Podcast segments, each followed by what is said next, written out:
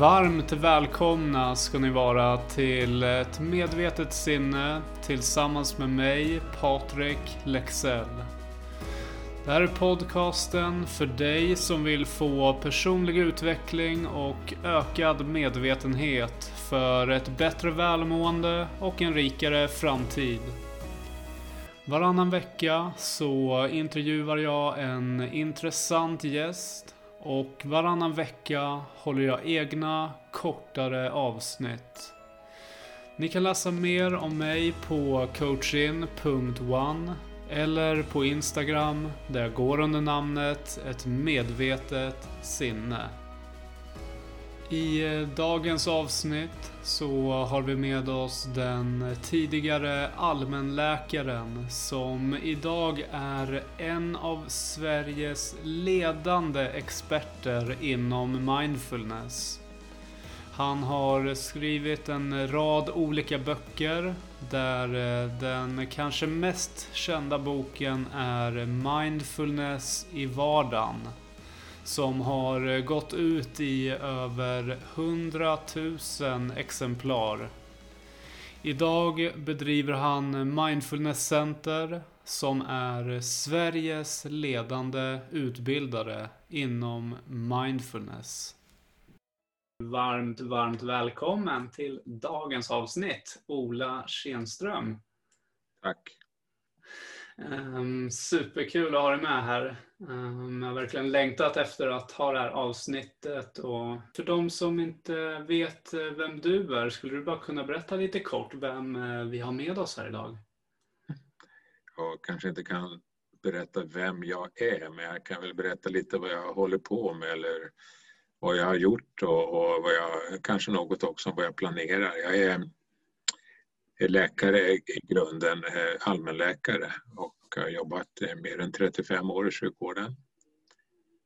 Och har de senaste 15 åren jobbat med mindfulness och framförallt utbildning i det. Jag har också mediterat sedan mitten på 90-talet, alltså 25 år. Eh, och åkt på olika retreater. För att bli mera medveten och också för att ta ut riktningen vad jag vill göra, vad jag kan bidra med till livet. Och eh, jag har tillbringat större delen av mitt vuxna liv i Norrbotten. Och är född och uppvuxen i Stockholm.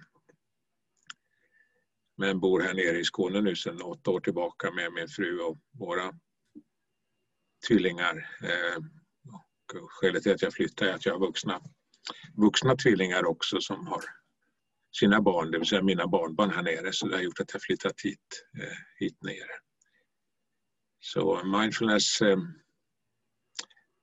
är inget nytt egentligen utan det är egenskaper som vi har, men som vi behöver träna som så mycket annat. Och vi blir bra på det vi tränar så vi kanske kan återkomma till vad är det vi tränar för någonting. Eh, mm. Så det, det, det, är kort. Jag har också skrivit några böcker. Mindfulness i vardagen är det mest kända. En slags basbok i mindfulness-träning. Sen har jag gjort några med, med, med vardagsövningar för att själva syftet med träningen i mindfulness är ju att kunna använda sin ökade medvetenhet och sin fokusförmåga och sin medkänsla i vardagen. Så jag har skrivit två böcker om, om det, 52 vägar till mindfulness och 52 vägar till medkänsla med sig själv och andra. Mycket med betoningen på sig själv, för det är ofta det vi slarvar mest med. Mm, mm. Jag har också gjort ett eh, 15-tal olika eh, onlinekurser, e-kurser som man kan gå igenom själv. Eh, det, det fungerar, men allra bäst fungerar om man har stödet av en instruktör så under de här 15 åren som jag hållit på, jag har hållit på 12 år på heltid nu med utbildning, så har vi utbildat 2800 instruktörer enligt en modell som jag har satt ihop eh, med utgångspunkter från två internationella program som heter MBSR och MBCT eller MBKT. Mindfulnessbaserad stressreduktion eller mindfulnessbaserad kognitiv terapi. Så mitt stora intresse är egentligen att nå ut på bredden i samhället så att göra den här träningen tillgänglig för eh, de som är intresserade. Mm. Så ungefär så. här är jag just nu. Mm. Superbra, vilken, eh, vilken härlig resa. Uh, och hur kommer det sig att du började med mindfulness? Då? Vad var det som fick dig in på det spåret ifrån att du var läkare under så pass många år? Och vad var det som fångade ditt intresse att gå över till just mindfulness? Ja, jag är allmänläkare och eh, jag var verksamhetschef under ett par årtionden, ett par decennier i Norrbotten på en vårdcentral. Och mycket av det man möter som allmänläkare eh, är inte så där väldigt väl definierat eh, tydligt eh, när man kommer från universitetskliniker i hög utsträckning. Man har en del allmänmedicinsk träning också så möter man många problem som mer har med, med relationer att göra, att man dricker för mycket eller man lever osunt. Och, så, så det behövs andra verktyg än, än de vi får ha med oss ifrån universiteten. Vi behöver dem också förstås, läkemedel och en hel del annat. Så jag har sökt olika verktyg och eh, du berättade innan vi började den här intervjun att eh, jobba med mental träning. Och det har jag också gjort, eh, mental träning på 80-talet.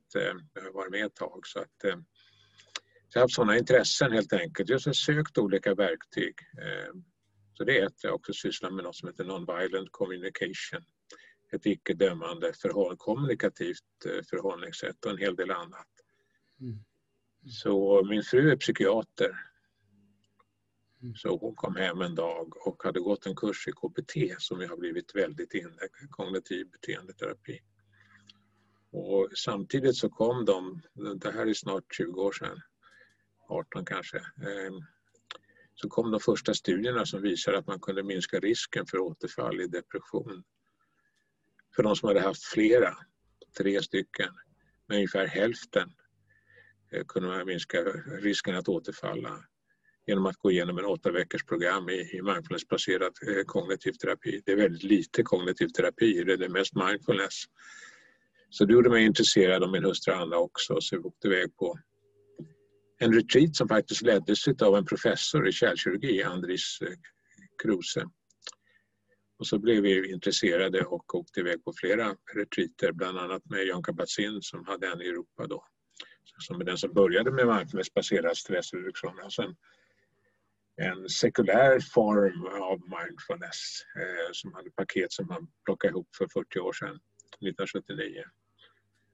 Och så jag blev fast i det därför jag såg vilka effekter det hade på mig. Och, eh, så det här var vad jag hade sökt, skulle jag vilja säga, och funnit. Eh, och på den vägen är det, så jag hoppade av min läkarbana nu för 12 år sedan och har sedan dess bara utbildat i mindfulness och gjort de här e-kurserna och skrivit böcker och på, på den resan är det. Så att jag har det här lilla företaget tillsammans med, med min fru och syftet med, med vårt arbete är ju att eh, få in mindfulness som en mer integrerad del eh, i redan i förskolan. Så vi har goda exempel på hur, hur väl det fungerar i förskolan att lära barn att lugna ner sig själva, eh, att kunna fokusera, att eh, kanske sova bättre eh, och så. så att, eh, och forskning, det kommer mer och mer forskning på den sidan.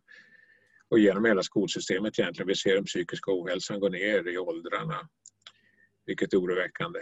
Eh, debuterar tidigare och tidigare så att man, man har så att säga en ökad sårbarhet tidigt i livet som man då har med sig eh, om man inte får hjälp och stöd och verktyg. Eh, så det är ett skäl att ta in det i skolan. Ett annat sätt är förstås fokus. Där vi har vårt fokus. Det är det som sätter spår mellan våra synapser i hjärnan och, och bildar nätverk. Så för lärandet är det en oerhört viktig del att vi kan fokusera. Eh, vi lever även som vuxna i en distraktionsvärld och inte minst på grund av våra nya eh, moderna verktyg som mobiltelefoner och datorer och allting sånt.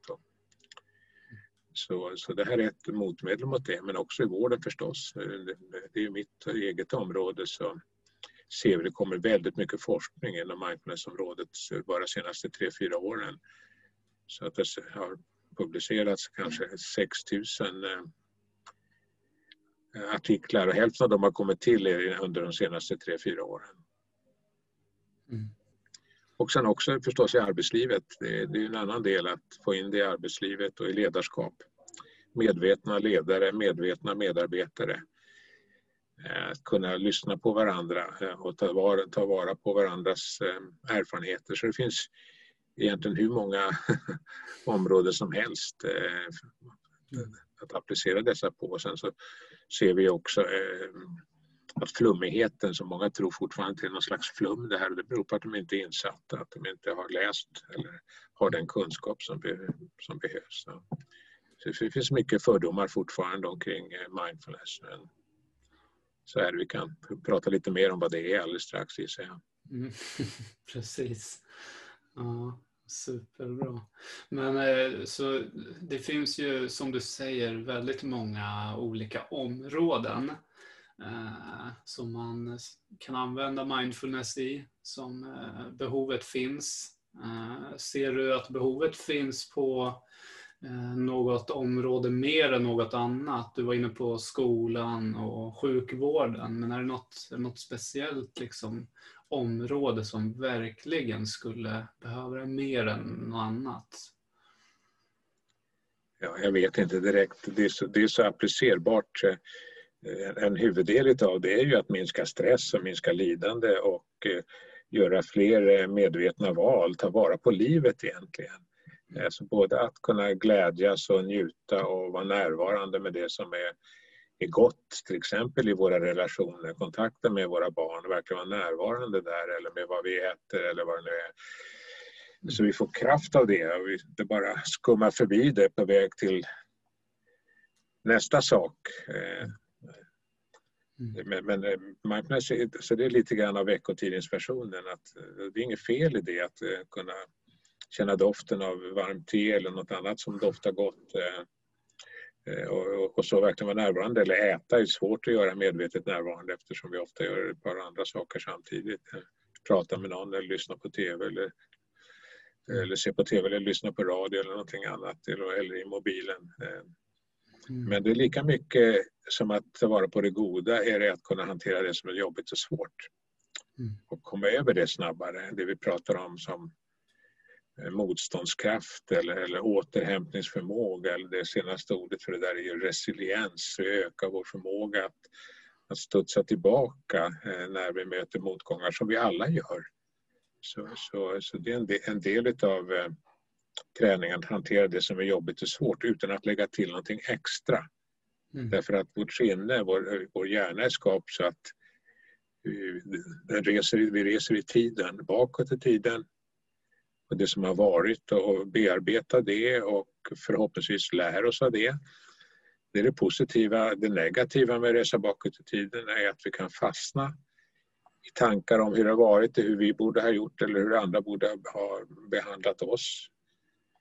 Så, och det, sådana tankar har vi alla. Eh, och det, det, är på gott och ont. Eh, en del har det i högre utsträckning än, än andra. Så en del av det är bra men det är också så kan göra att vi fastnar i olika livshändelser och inte kommer vidare. Och tittar vi på deprimerade så, så ältar de tankar om det förflutna och varför man, varför man gjorde på det sättet och inte på det sättet och varför jag har hamnat här. Och, och inte minst tankar om hur dålig man är och att ingen tycker om en och säger de det så, så ljuger de för att jag är så värdelös och så. Hemska tankar apropå det förflutna och sitta fast och i mindfulness-träning kan vi då lära oss att iaktta våra tankar medan vi tänker, att vi inte är våra tankar utan att vi har dem.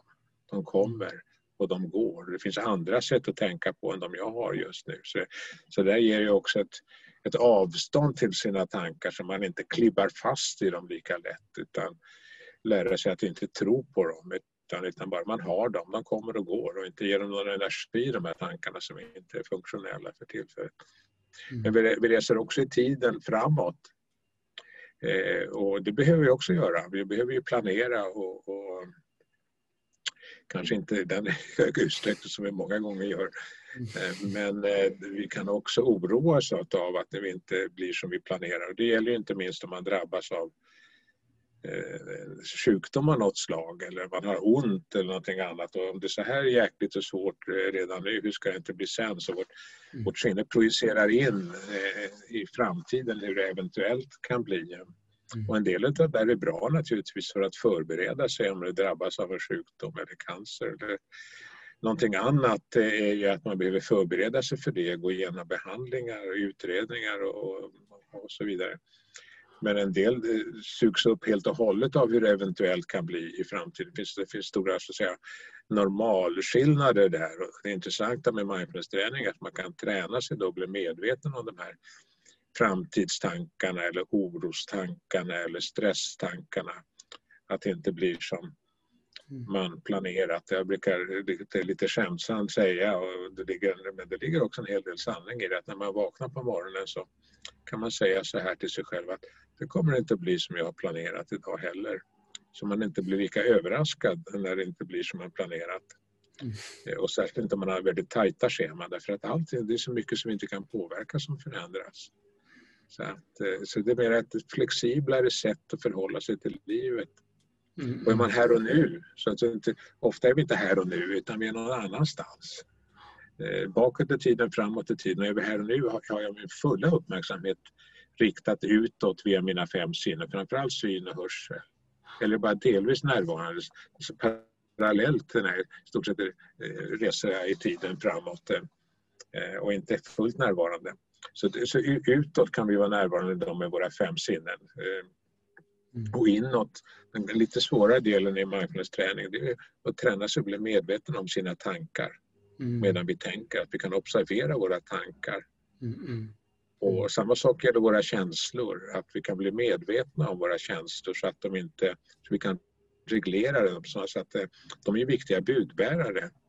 Mm. Men eh, tanken här är, och vi har ju känslor Eh, precis som andra däggdjur, nerifrån och upp så reagerar de på, på, på vår eh, mera mogna del eller senare tillkommen del av hjärnan alltså, som, vi, som vi människor har. Men vi kan alltså reglera den nerifrån, uppifrån och ner också med hjälp av medvetenhet och med hjälp av våra pannlober faktiskt. Den främsta delen av pannloberna kan vi lära oss reglera våra känslor med. Så att det, så visserligen ser de vissa budskap men blir inte ett offer för dem. Eh, och inte blir så reaktiva utan vi ser att vi har valmöjligheter hur vi förhåller oss till våra känslor. Eh, så att vi inte eh, bara reagerar automatiskt som man får höra ibland. Jag är ju känslomänniska precis som att man får göra precis som man vill då. Utan, utan vi kan träna oss att, att eh, bli medvetna och göra det bästa möjliga utav dem. Och, och en tredje del då, om vi talar om tankar, känslor, det är att lyssna på kroppen. Mm. Det är den mest försummade delen, eh, att bli medveten om de kroppsliga signalerna. Det med ett finare ord kallas för interoception, alltså en, en medvetenhet om vad kroppen säger och kroppen ljuger inte på det sätt som våra tankar kan göra ibland. Våra tankar, jag har jobbat mycket med utmattade och skrivit en bok om det tillsammans med Martin Kraupus för 20 år sedan. Mm. Är det någonting som kännetecknar utmattade att man inte lyssnar på sin kropp. Man är uppe i sitt huvud i kända tankar om att man ska ställa upp för andra och, eh, och glömmer ofta bort egna behov helt enkelt. Så att en del av träningen i mindfulness är att leva ett mer balanserat eh, liv och eh, ta hänsyn till egna behov, till exempel trötthet, återhämta sig när man behöver och inte bara fortsätta att köra på. Eh, kroppen är många gånger klokare än huvudet. Det är någonting som jag mm. ofta sagt till, till mina patienter när jag var aktiv. Mm. Mm. Mycket, mycket sant. Jag håller med dig i allt du säger. Jag tänkte på det när jag eh, åkte på tåget hemåt idag så tänkte jag på det för jag har hört också, lyssnat tidigare på uh, lite ifrån vad du har sagt och skrivit och delat. Att uh, just tankar och, och kanske inte känslor men just tankar reser både bakåt och framåt och så börjar jag tänka lite på kroppen. Den är ju alltid på något sätt i nuet. Den är inte rörlig på det sättet. Uh, och när jag började fokusera på det, att den fysiska kroppen är inte rörlig, då gick mitt fokus till kroppen när jag blev i nuet. Uh, är det en form av liksom mindfulnessövning då? Att lyssna, kolla på kroppen och sen kan en tanke komma om hur du mår. Eller vad mm. du tänker om kroppen. Då får du liksom svaren ifrån kroppen då kroppen är som du är inne på, den är alltid här och nu. Det finns ingen som har sin kropp någon annanstans. Utan den är här och nu. Så att, eh, ja, det är tur det. ett sätt att eh, komma tillbaka till här och nu. Vi använder ju det till exempel i övningar som har med andningen att göra. Mm. Att rikta uppmärksamheten på andningen och framförallt hur den känns i kroppen. Den fysiska mm. känslan, fysiska förnimmelserna utav andningen i kroppen som vi är ute efter. Så det är ett sätt att, att knyta an till nuet, komma tillbaka till nuet och det kan vi göra precis när som helst när våra tankar skenar iväg. Och det är också så att eh, när vi riktar uppmärksamheten på kroppen så kan vi inte resa på samma sätt i tiden. Vi ockuperar andra, vi aktiverar andra delar av, av hjärnan helt enkelt. Och eh, minskar så att säga påverkan och oron och stressen för framtiden. Och det är klart att ju mer man tränar detta desto bättre blir man på det. Mm, mm. Så mycket av det är träning det är frågan om, det är som all annan träning. Vår hjärna är ju formbar, den är plastisk, den, den, formar sig hela tiden utifrån våra erfarenheter och just var vi har vår uppmärksamhet någonstans. Så att en viktig del av, av träningen i mindfulness är ju ren uppmärksamhetsträning, fokusträning. Mm. Och där vi har vårt fokus, det är det som sätter spår då i hjärnan och som till sist blir våra erfarenheter och vårt liv.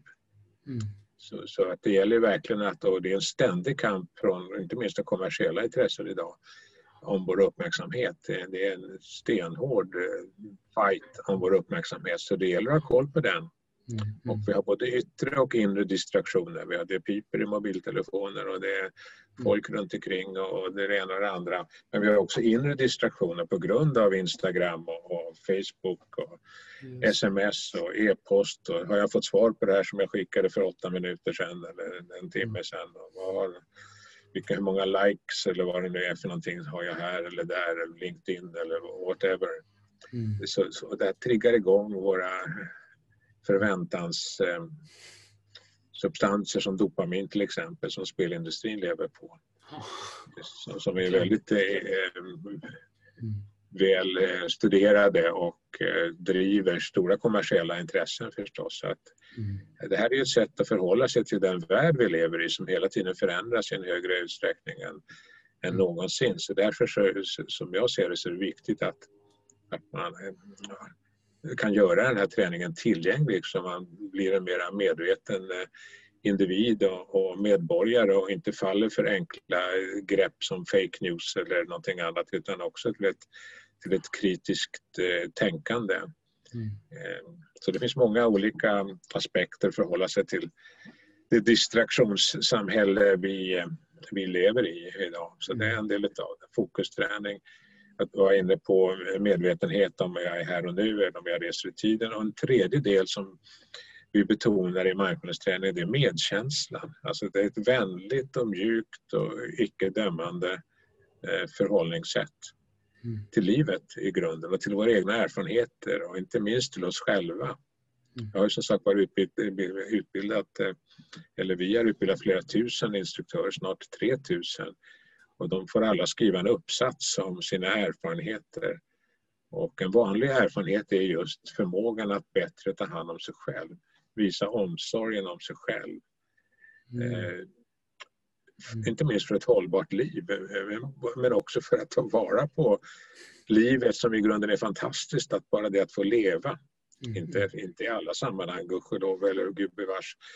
För livet går upp och ner och det är också en del av mindfulness-träning att kunna hantera livets upp och nedgångar. Är det någonting jag märkt under de 35 år jag varit läkare så är det förmågan att hantera obehag är mycket mindre idag. Man söker än vad man gjorde när jag började för, för över 40 år sedan.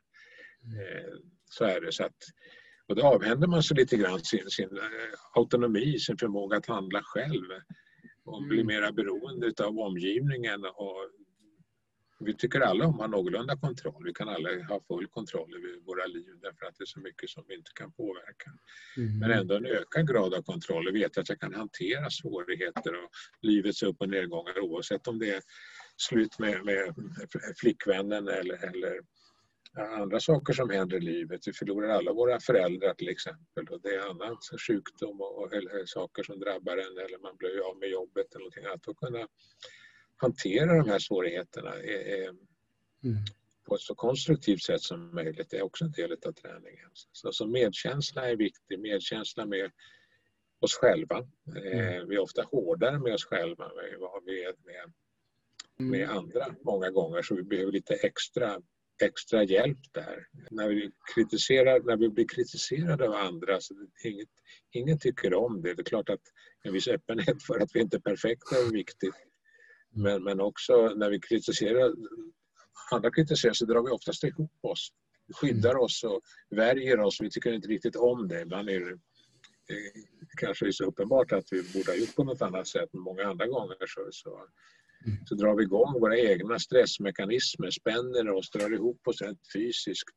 Men mm. samma sak gör vi med oss själva när vår vältrimmade inre kritiker kommer till skott och talar om vad det är för fel på oss, att du aldrig kan göra bättre, att alla andra gör det här mycket bättre än du. Da, da, da, da Eh, de gör det mm. också, men utifrån ett hot. Så vi drar ihop oss då också. Och då gäller det då att mm. släppa den här inre kritiken och vara snäll med den och förstå att den vill oss gott egentligen, men den gör det i mm. form av, av hot och bestraffning och istället verket vara, vara vänlig och snäll eh, med oss själva istället lite oftare och lite, under lite längre tid. Så att medkänsla med oss själva är en viktig del.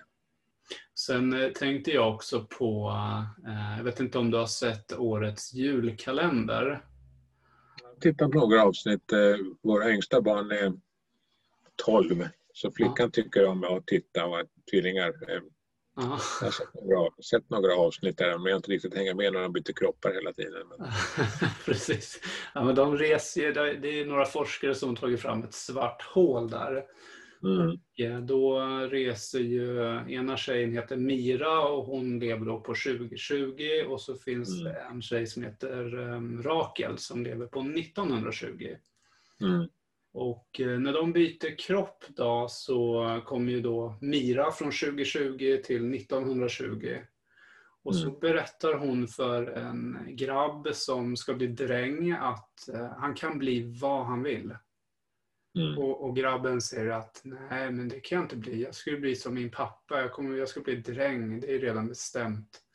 Mm. Ja, det är också någonting nu att vi har så otroligt mycket alternativ. Gör det också någonting med att vi känner oss kluvna i vad ska vi välja? Gör det också att vi tappar närvaron i att faktiskt vara och lyssna på oss själva? i varje fall är det inte enkelt att förhålla sig till det samhälle vi lever i idag mot vad det var när jag växte upp. Det var ju mycket eh, på gott och ont skulle jag vilja säga. Det är klart att det finns eh, nackdelar med att det finns en fast struktur om den inte är för fast. Nu är det ju, är det ju väldigt flytande och flexibelt. Och eh, det finns ju de som menar att om man tittar 15 år framåt eller 20 år i tiden så har 40 procent av de jobben inte uppfunnits än. Mm. Eh, så, att, eh, så att det är svårare att orientera sig i den värld vi lever i.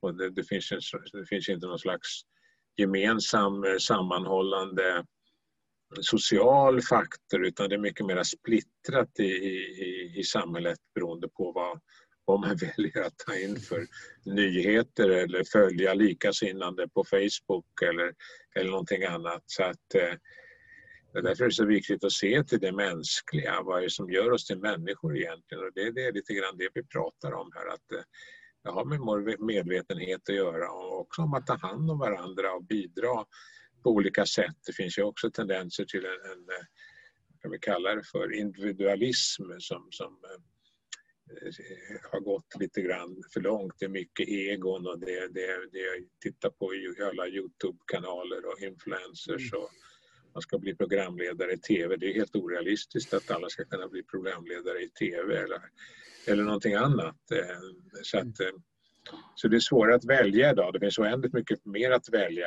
på. Så att eh, det gäller lite grann också att förenkla livet för sig. Vad är det? Så det är en annan del ska jag vilja säga när man tränar mindfulness. Vad är det egentligen som är viktigt?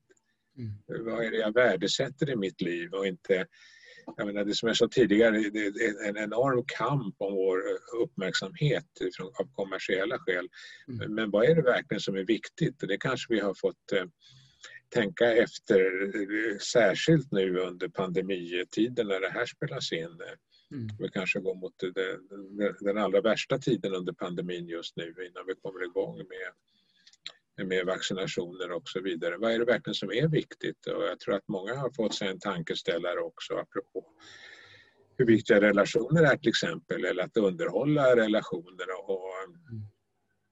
Vara vänliga och bry oss om varandra. Att vi alla sitter i samma båt egentligen oavsett om vi sitter i i, i Lomma eller Stockholm eller, eller någon annanstans eller i världen överhuvudtaget. Vi står inför gigantiska eh, problem när det gäller eh, allt levande på denna jord. Mm. Och inte minst vi människor som vi börjar närma oss 7,5-8 miljarder. Så, så det har också någon slags, en slags global eh, medvetenhet att göra. Eh, så jag är ju djupt oroad över den framtid som vi ser. Det är klart man kan vara mm. optimist och vara det i så hög utsträckning som möjligt. Men vi mm. blir också det som vi odlar och det vi är medvetna om. Och I grunden så är vi gjorda för ett bysamhälle snarare än där vi kan ha koll på 40, 50 eller 100 mm. personer och inte på så det globala perspektivet. Men det är någonting som vi behöver utveckla om vi ska mm. kunna hantera de här gigantiska hoten som har med, med mm. klimatet att göra eller regnskogarna eller plasten i haven eller, eller svälten och, och, och, torkan som kommer att eh. Bre ut sig och göra stora migrationsströmmar och så vidare. Så, så, mm. så en global medvetenhet. Eh, och eh, jag har en eh, under större delen av 80 och 90-talet så var jag väldigt aktiv i Läkare mot kärnvapen. Mm. Att försöka få bort kärnvapnen och det är första, fort, fortfarande det största hotet mot mänskligheten är, är, är kärnvapen. Det finns ingenting annat som så snabbt kan, kan förgöra mm. eh, miljarder faktiskt ytterst eh, om, om, man skulle komma igång med ett kärnvapenkrig på några timmar. Mm. mm. Eh, det, så, så, är det. Jag har varit, så, så, jag har det där globala perspektivet i mig också som den mm. yttersta drivkraften för en, för egentligen för en bättre värld. Mm. Så vi behöver vara medvetna om de hot som finns och inte förtränga dem. Mm. Det finns så, så, att det gäller att supermakterna och andra har kontakter med varandra för den största risken är annars för, för kärnvapen till exempel av misstag. Så att, eh, mm. Vi har stora utmaningar och det krävs ju att vi ser bortanför oss själva och ägnar tid åt det också inte bara dagsaktuella frågor. Utan så, att, så medvetenhet, eller någonting ska, som ska bidra så är det kunskap och medvetenhet mm. och, mm. och, aktiva handlingar. Ja, ja. Det, det, jag, jag håller helt med dig. Mm, jag håller helt med dig. Jag tror också att det är, det är någonting som är otroligt viktigt för framtiden att eh, allt fler blir medvetna och utövar mindfulness. Eh, och eh, Det kommer ju föra oss närmare varandra, alltså både närmare oss själva, vem vi är, men också få en eh, medkänsla, självmedkänsla. Eh, men hur ser du på framtiden och mindfulness? För det är ju någonting som verkligen eh, verkar ha växt fram nu under senaste åren. Tror du att det kommer fortsätta blomstra och de här som kallar mindfulness flummigt, kommer de Kommer man kunna vända på dem också eller hur, hur ser du på framtiden? Jag har hållit på med det här i 15 år och eh, mm. Jag har ju mött eh, mycket fördomar och vi möter dem fortfarande. Jag brukar säga det till dem vi utbildar att ni är alla pionjärer. Så ni kommer att möta de som vet fast de inte vet. Vårt sinne är skapat sånt att eh, vi vill gärna hänga upp verkligheten på någonting oavsett om det är sant eller inte många gånger. Så att många vet vad mindfulness är utan att egentligen eh, ha provat och, och, och framförallt inte tränat. Samtidigt är det så att det blir fler och fler som provar ofta, en utgångspunkt är oftast att man inte mår bra på något sätt. Mm. Och då har man väldigt god hjälp av mindfulness-träning. Om vi tar utmattade till exempel, eller sådana som eh, drabbas av olyckor eller separationer eller, något annat. Det är allmänt nyfikna. Man behöver ett visst mått av nyfikenhet. Mm. Men sen ser man ju också andra drivkrafter som kanske är ännu starkare. Det är de ekonomiska. Mm det finns mycket att hämta här ekonomiskt genom att få behålla duktiga medarbetare i ett företag eller en organisation till exempel. Eh, och, och, skapa det som, det som man uppskattar på många arbetsplatser, det är det gemenskapen. Och det här är ju ett sätt att öka gemenskapen, öka öppenheten, öka att, eh, förmågan att kunna lyssna på varandra. Google använder till exempel mm. mindfulness och jag pratade med en av dem häromdagen när vi hade ett webbinar eh, som heter Philip Golden som har varit en av dem som har eh, hjälpt till med det vetenskapliga bakom Googles program för sina anställda, Search Inside Yourself eh, och eh, deras ledarskapsinstitut. Så att, och det, de gör ju inte det av, av eh, av enbart av godhet utan att det, det, är någonting som medarbetarna fungerar bättre genom. Mm. Och där ligger vi efter i Sverige skulle jag vilja säga på företagsorganisationssidan. Sverige är ganska trögt och har gått eh, långsamt där. Samma sak gäller sjukvården mm. som jag har kämpat för att få in mindfulness i vården. Det är det program som vi har gjort, eller jag gjorde för 15 år sedan, är det mest använda.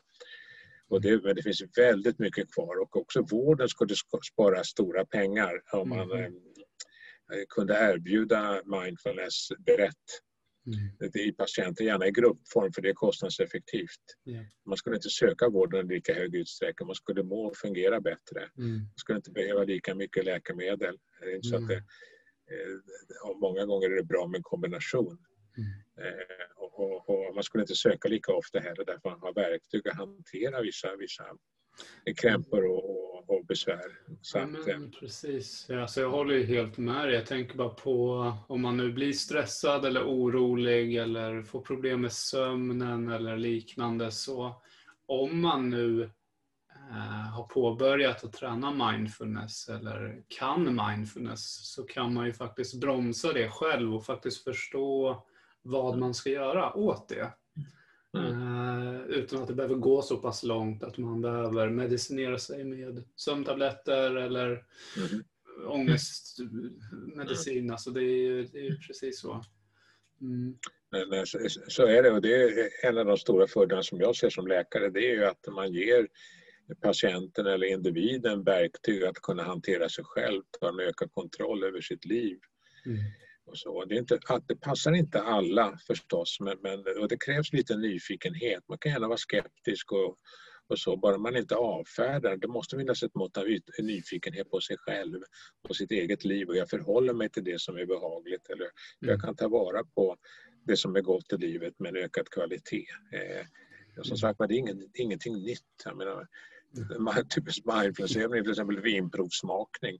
Mm. Eh, fast det presenteras inte så. Eller mm. eh, chokladprovsmakning, you name it. Mm. Eh, så att det finns ju det här är bara ett medvetet sätt att träna det på. Så man tränar ju mindfulness med hjälp av meditation. Och det är inget märkvärdigt. Och nu är vi nere på 10 minuters nivån. Det funkar till och med 5-6 minuter har vi forskning som talar för att det fungerar om dagen. Så det fungerar. Så att det krävs inte så mycket. Eh, och vad vi gör då när vi mediterar, vi blir mer medvetna om hur vårt sinne reser i tiden till exempel. Eller att det hela tiden är en stor produktion av tankar i vår hjärna, i vårt sinne, som vi vanligtvis inte är medvetna om. Men vi tränar där koncentrerat när vi mediterar så att vi blir mer medvetna om hur det är i vardagen. Så vi kan förhålla oss till det som är i vardagen när uppmärksamheten far iväg och ta mm. tillbaka den som vi var inne på tidigare till andningen eller till kroppen i övrigt. Mm. Så att det, det, är inga märkvärdigheter. Och vi tränar också via vardagsövningar att göra saker lite långsammare, mera medvetet oavsett om det är att laga mat eller köra bil eller, eller lyssna på sin partner eller på sina barn. Att verkligen vara närvarande. Det är närvaron som, som är mm. är det centrala. Eller om du är arbetsledare eller chef eller någonting sånt, att lyssna först. Verkligen lyssna. Det märks om man är närvarande eller inte. Eh, så, så, och det gäller också inte minst i vården eller mellan den som vårdar och den som mm. söker vård, att man verkligen är närvarande och lyssnar. Mm. Eh, det skapar förtroende och, och ökar mm. möjligheterna till ett gott samarbete. Det finns även forskning som visar på medkänslans roll när det gäller kostnader. Mm. Så är vårdpersonalen medkännande så blir inläggningstiderna för den patienter som ligger inne kortare. Eh, medicinering minskar, personalen mår bättre. Så här är ett, det finns gigantiska områden där mindfulness skulle kunna göra stor nytta. Mm. Om det fanns en större öppenhet och större medvetenhet och fler mm. som fick prova på. Mm. För att utan att prova på så kan man inte riktigt förstå vad det är och kan ge. Mm, precis, precis. Och det kommer inom vården. Nu ser jag ju här, det kommer när det gäller stora så säga, folkhälsoproblem som ett tillägg, ska jag vilja säga, som ett komplement till läkemedel när det gäller till exempel högt blodtryck eller, eller eh, eh, långvarig smärta eller långvarig sjukdom eller cancerbehandling eller som ett tillägg för att må och fungera bättre och få kroppen i ett eh, ja, optimal, optimalare, ett, ett optimalt skick när det mm. gäller läkning eh, och hö, öka livskvaliteten. Så att det här är, mm. det är värt att, fullt att jobba med kan jag säga, annars skulle jag inte gjort det. Mm. Jag håller på i, i många år nu men, men det, det, är, mm. det är spännande och roligt och roligt också att gå utbildning. Instruktör till exempel. Mm. Superbra. Och jag tänker på um, också, um, det finns ju såklart, alltså mindfulness är ju ganska, det finns ju många olika övningar och är relativt brett också. Eh, och det finns ju vissa personer som kanske blir rastlösa eller stressade och oroliga och liknande när man faktiskt testar det här.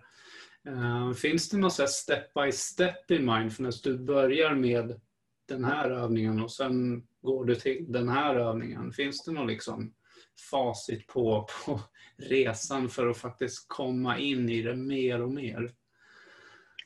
Jo, eh, det gör det. Gör det. Eh, så det viktigaste är att man kanske inte börjar med för långa övningar på en gång för att man inte blir avskräckt utan även några minuter kan göra skillnad. Bara det att stanna upp och fråga sig vad som pågår lite oftare. Bara stanna upp och fråga sig vad som pågår i en själv och runt omkring en, gör det mera medvetet. Eh, jag har en gratis app som heter Power Break och, och har gjort övningar där på mellan en och tre minuter. Och syftet med det är just bara att prova på. Mm. Eh, en, även en minut rikta uppmärksamheten på andningen. Det är faktiskt så att du ställer om din fysiologi i hjärnan även under så kort tid som 30 sekunder när du riktar uppmärksamheten på och eh, andningen till exempel hur ditt andetag känns just nu. Det, det kan man se via magnetröntgen hur, hur det sker ett skifte där på, på, på väldigt kort tid. Mm. Men det är klart att det, det är inte bestående effekter men, men stanna upp ofta det hjälper oss. Men även eh, alltså fem, eh, tio minuter om dagen skulle jag vilja säga och gör man det regelbundet, det är ju forskning som stöder så påverkar till exempel stressnivån och vår grad av medvetenhet och utmattningssymptom och så vidare. Så att krävs inte så mycket men det, det svåra är att ta sig den där tiden därför att eh, vi är så automatiserade eh, och gör det vi är vana vid. Inte för att det är bra alla gånger men för att vi är vana vid det. Det mm. sitter på en lägre nivå i hjärnan. Det är därför som autopiloten är så stark. Den är bra. Det. det. är därför att det är bra rutiner, eh, morgonrutiner till exempel och att man mm. inte behöver åka olika vägar till jobbet eller har olika rutiner hur man äter frukost varje morgon och var man gör det och så vidare. Så den är bra men, men i en värld som hela tiden förändras som vår mm. så behöver man stiga ur sitt automatiserade sätt och se mer flexibel på, ah, på, på, verkligheten och också acceptera de förändringar som finns. Inte för att man tycker om dem men för mm. att de ser ut som de gör. Acceptera dem just nu. Just det. Eh, det jag kan, på, kan jag påverka situationen just nu eller kan jag inte det? Mm. Och välja mera det som jag vill och kan påverka. Det som är i linje med mina värderingar mina djupare värderingar och så släppa en massa struntsaker som inte är så viktiga. Det gäller också relationer. Vad, vad är det vi ska bråka om här? Mm. Eh, mm. fundera på, på, på det också i förhållande till sin partner eller sina barn. Utan att någon som blir perfekt. Det är en, del, det är en annan del att acceptera sin, sin ofullkomlighet eller snarare sin mänsklighet. Mm. Mm. Uh, precis. Ska man börja så, så jag har gjort ett antal e-kurser och där är övningarna på 10 minuter. Mm. Jag har också övningar till mina böcker, Mindfulness i vardagen och 52 eh, vägar till medkänsla. Där har jag övningar på 6-7 minuter. Så man kan börja i, i litet och min hemsida är mindfulnesscenter.se, mindfulness med center i ett ord med ett L. Mm. Där, där, där, har vi det och eh, då kan man prenumerera månadsvis eller årsvis. Mm låg kostnad. Eh, så, att, eh, så är det. Och vi har kurser för, Superbra. för många olika. Och så, så att, eh, jag är också intresserad av forskning så är jag ganska gott om forskningsresultat. Precis. Ja. Ja, det är ju det som är så, så härligt nu, att verkligen forskningen kommer fram mer och mer, syns mer och mer. Jag tänker att det gör ju också att mindfulness blir mindre och mindre flummigt, eller vad, den här stämpeln, att det blir faktiskt att man förstår att det här är det är lite som fysisk träning, att det här hjälper våra mentala förmågor och att kunna lyssna inåt. Och också, jag tänker på vanor och beteenden, det är ju lite som tankar och känslor. Det ligger ju också i, är du inte medveten så kommer du ju bara eh, känna en sak och göra en sak per automatik. Så det handlar ju mycket om att gå tillbaka. Ett annat stort eh, område är ju att ändra vanor, inte minst eh, levnadsvanor till, till mer hälsosamma mm. vanor utan att det kräver så jättemycket eh, mm. egentligen. Så det är ett, ett område som jag håller på att göra ett program nu för att ändra vanor. Ett, mm. ett program som kan gälla olika Mm. Olika vanor och sen äta en bättre kost eller börja meditera eller, eller inte minst fysisk aktivitet. Det pågår också en, doktors, doktor, en avhandlingsarbete omkring mm. mindfulness eller fysisk aktivitet på recept med och utan mindfulness.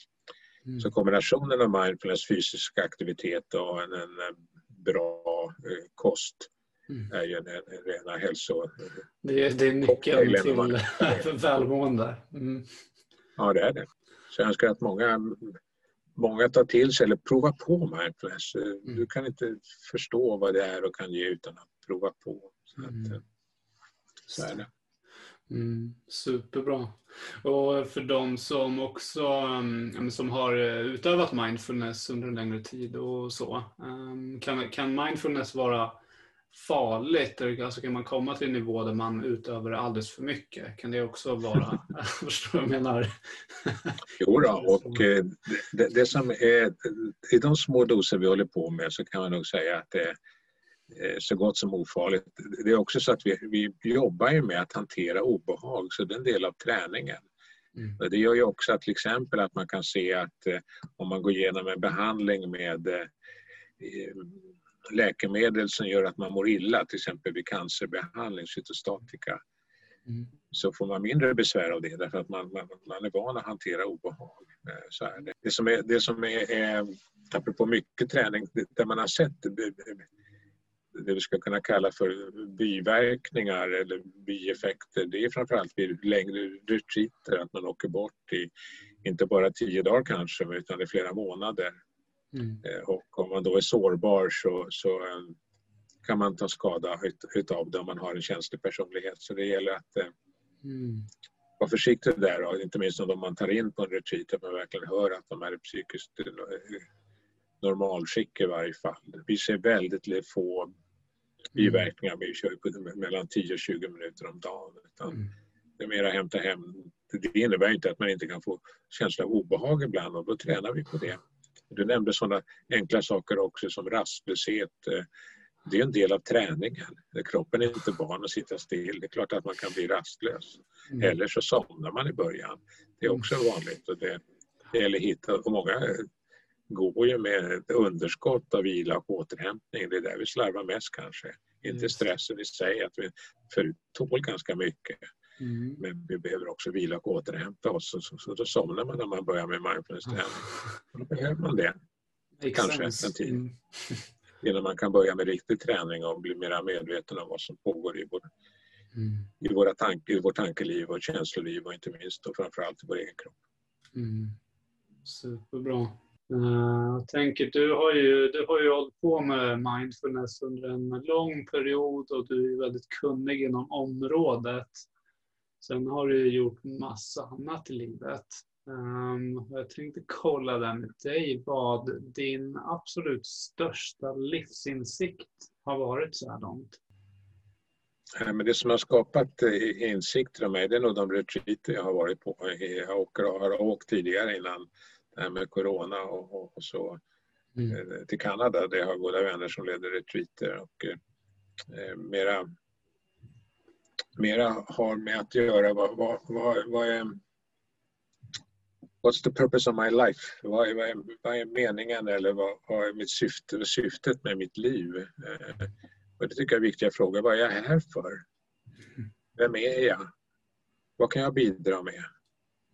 Och, och eh, En del av det där kommer säkert med åldern men överhuvudtaget tänka i de termerna. Vad kan jag, vad kan jag bidra med? Är, är det här jag ska hålla på, på med? Och vi kan ju inte alltid styra det. Det har ju många andra faktorer så jag är ju privilegierad där som är läkare och, och, eh, och så. Men, men, ändå fundera på det i var vi än står och är någonstans. Vad kan jag bidra med? Och samtidigt är det också hitta balansen mellan egna behov och andras. Vi mm. lever ju ändå i ett av de absolut bästa samhällena på jorden eh, i Sverige. Det är ett trygghetssystem som fungerar för väldigt många, dock inte alla, det ska vi vara väldigt medvetna om. Men att vi ändå kan ta vara på det, det fantastiska liv vi har och inte ta någonting för givet. Tacksamhet är en viktig del där också. Mm. Mm. Vad är det jag har och faktiskt har tillgång till och påminna sig om också hur, hur beroende vi är av mängder av andra. Människan är en, mm. en ö utan vi, vi är verkligen i förhållande till väldigt mycket annat. Bara tänka på hur maten på våra bord kommer dit. Mm. Eller vad det är, alla som på olika sätt bidrar till samhället. Att vi, allt egentligen hör samman och det, det är en insikt som, som vi alla borde ha apropå det totala globala perspektivet med alla människor och kanske alla djur och allt levande. Mm. Så är det. Är så tittar vi på pandemierna som har kommit senare åren så, så har man liksom misskött sina relationer till djuren mm. Eh, kommer ju från att man har misskött djur i, i Kina och, men även de andra eh, virussjukdomarna med, med fågelinfluensa och, och mm. svininfluensa och, och mm. ebola och så vidare har, har, har med, kommer från djuren så det gäller liksom att förstå att allting hänger ihop och hitta allt hänger ihop. Mm. Ha den medvetenheten. Eh, Mm. En större grad av medvetenhet, där, där kan det finnas ett hopp. Om vi blir många. Ja, ja. Bra visdomar. Mycket bra. Uh, väldigt klokt. Du får inte på vad jag säger. Prova själv. Prova. jag vill verkligen understryka det att orden om mindfulness och vad mindfulness är, mm. Eh, det är inte mindfulness. Utan när vi är medvetna, det, det, kan vi vara när vi provar på, när vi är med saker som, som dyker upp eh, med en ökad grad av närvaro och, och medvetenhet. Så prova på, det, det, är mitt absoluta råd innan du avfärdar mindfulness eller, eller mm. försök vara nyfiken. Klart. Se vad du upptäcker från gång till gång om du gör övningar. Mm. Mm klockrent att ta också hjälp av olika, alltså dina appar som du har nämnt här och gå in på hemsidan som du har nämnt och ta hjälp som finns av de som kan mindfulness om, mm. om eh, du själv upplever att det är svårt. Så det finns många som är kunniga som kan ja, guida. Vi har instruktörer över hela landet som, som eh, du förstår och som lyssnaren förstår. Och, vi blir bara fler och fler. Så mm. att, eh, Fantastiskt. Fantastiskt. Och, och mm. arbeta med sig själv och upptäcka nya saker och upptäcka livet på nytt kanske. Vakna upp till livet. Eh. Precis. Vad är det annars som är viktigt? Om inte våra egna liv. Verkligen, verkligen. Man kommer verkligen till många insikter. Jag har ju själv eh, varit ute på vad ska man säga, hal is fram till runt 20-årsåldern och varit väldigt så här, kluven i vem jag är. Jag skulle vilja säga att mindfulness var väl den delen som faktiskt eh, ja, men, eh, räddade mig och hittade mig. Jag hittade mig själv, vem jag är, vad jag, mm vad jag är bra på, vad jag är dålig på, hur reagerar jag i olika situationer. Man får så otroligt mycket svar inom mindfulness. Um, det är som att komma hem till sig själv. Yes, precis. den, den är egentligen paradox, där vi redan är någonstans inne i oss själva. Ja, precis så. Och eh, tänkte också som att avrunda lite eh, och kolla där med dig vilka, Eh, jag kan ställa två frågor i en lite. Ehm, om din vardag. Har du någon, eh, någon utformad rutin inom mindfulness och vilka eh, övningar är dina favoritövningar? Ja, jag har en morgonrutin med meditation på morgonen innan barnen går upp. Det, det, det, är en bra start på dagen och man har med sig den stillheten och det lugnet och den, det fokuset in i dagen. Sen gör jag ofta en meditation på, på eftermiddagen. Ehm, jag mediterar, dels fokusövningar, det tycker man behöver ehm, kontinuerligt eh, skärpa uppmärksamheten i det, det samhälle vi lever i. Det märker jag när jag inte har gjort det någon dag. Det händer. Ehm, men för det mesta så har jag fokusövningar och eh, eh, jag tycker mycket om eh, övningar för, för vänlighet eller kärleksfull vänlighet och medkänsla. Och så visst, att stärka de, de delarna utav, utav mig själv. Sen har jag en hel del andra eh, meditationer också som jag gör. Den andra är ju för att, säga, lösa problem eller ge plats eh, för eh, sinnet att inte göra något och låta problemen lösa sig själv. Mm. Eller hitta vägar utan att ja, man kan använda delar av sig själv och sin hjärna på, på, på lite olika sätt. Mm. Mm. Superbra. Och eh, för de som eh, vill komma i kontakt med dig, du har ju nämnt din hemsida, men det kanske finns något annat ställe man kan komma i kontakt med dig? Du har nämnt din app också. Um... Jo, vi har ju en eh, Mindfulness Center. Ni kan söka på Mindfulness Center i ett ord och ett, ett L i Mindfulness Center.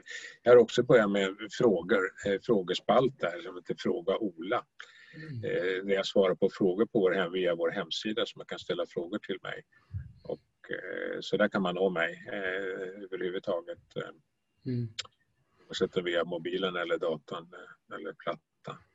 Mm. Klockrent. Så in och fråga Ola. Bara ös in frågor till honom nu så, så har han lite vid pyssla. Jag vill hellre svara på men jag ska göra mitt bästa. Ja. Det är det, det, är det bästa man kan göra. Härligt Ola. Um, då får jag säga stort, stort tack för din medverkan, din tid och all den kunskap som du sprider här. Det är helt fantastiskt. Stort tack. Tack själv för att jag fick vara med på din podd.